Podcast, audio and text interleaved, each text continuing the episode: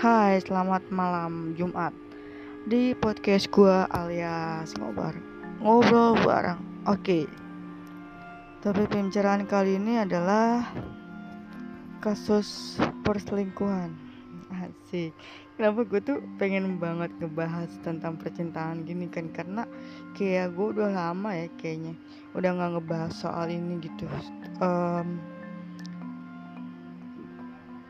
ke sini ke sini tuh gue lebih sering ngebahas tentang masalah masalah kasus-kasus yang viral sih ya kan?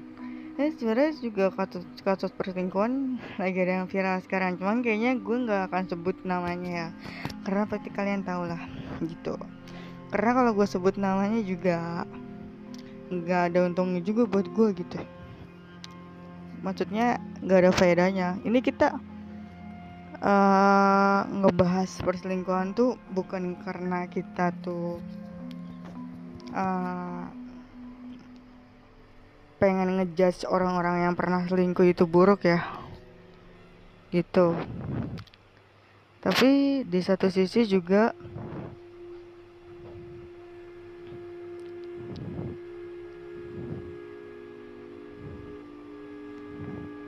tapi di satu sisi juga kita tuh harus menghindari yang namanya perselingkuhan. Kenapa gue bilang kita wajib menghindari perselingkuhan?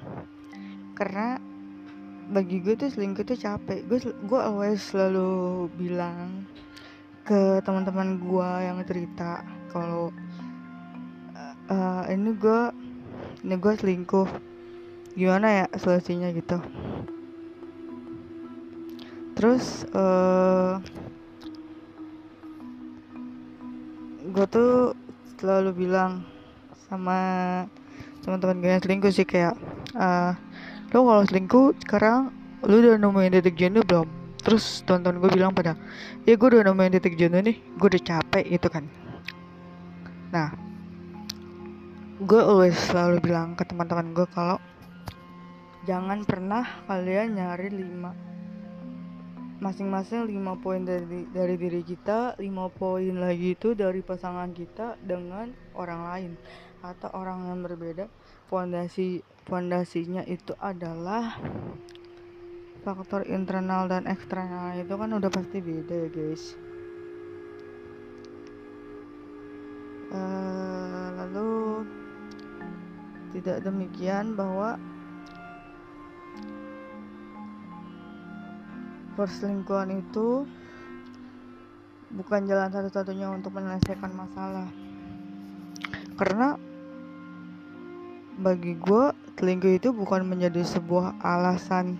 Kalaupun memang ada punya rasa bosan tuh bagi gue bukan jalan jalan terbaik jalan-jalan keluar itu adalah dengan selingkuh gitu. Kayak tadi gue bilang kan kalau kedua belah pihak antara kita dan pasangan kita tuh 5 tambah 5 kan 10 ya. Nah gimana cara kita menyempurnakan 10 poin itu dari kedua belah pihak? Itu bukan bukan selingkuh satu sama lain gitu. Jadi kan ibaratnya sakit dibalas sakit gitu enggak? Kalian perbaiki terus menerus dengan pasangan yang sama. Rasa bosan itu akan timbul ketika kita terbiasa mencari pelarian yang gak seharusnya kita cari carilah kebahagiaan kamu yang sebagaimana kamu memang harus bahagia di situ di dalamnya. Carilah rumah buat kamu untuk benar-benar kamu pulang yang benar-benar kamu uh, sungguhi bukan kamu singgahi gitu karena pada dasarnya perselingkuhan itu tidak akan pernah bisa mendamaikan hati kita, jiwa kita, dan pikiran kita. Pada dasarnya perselingkuhan itu hanyalah membawa kes kesusahan dan kesedihan dalam diri kita.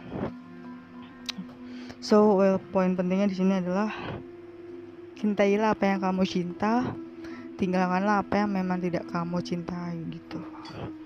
Sekian dan terima kasih podcast juga. Sampai jumpa.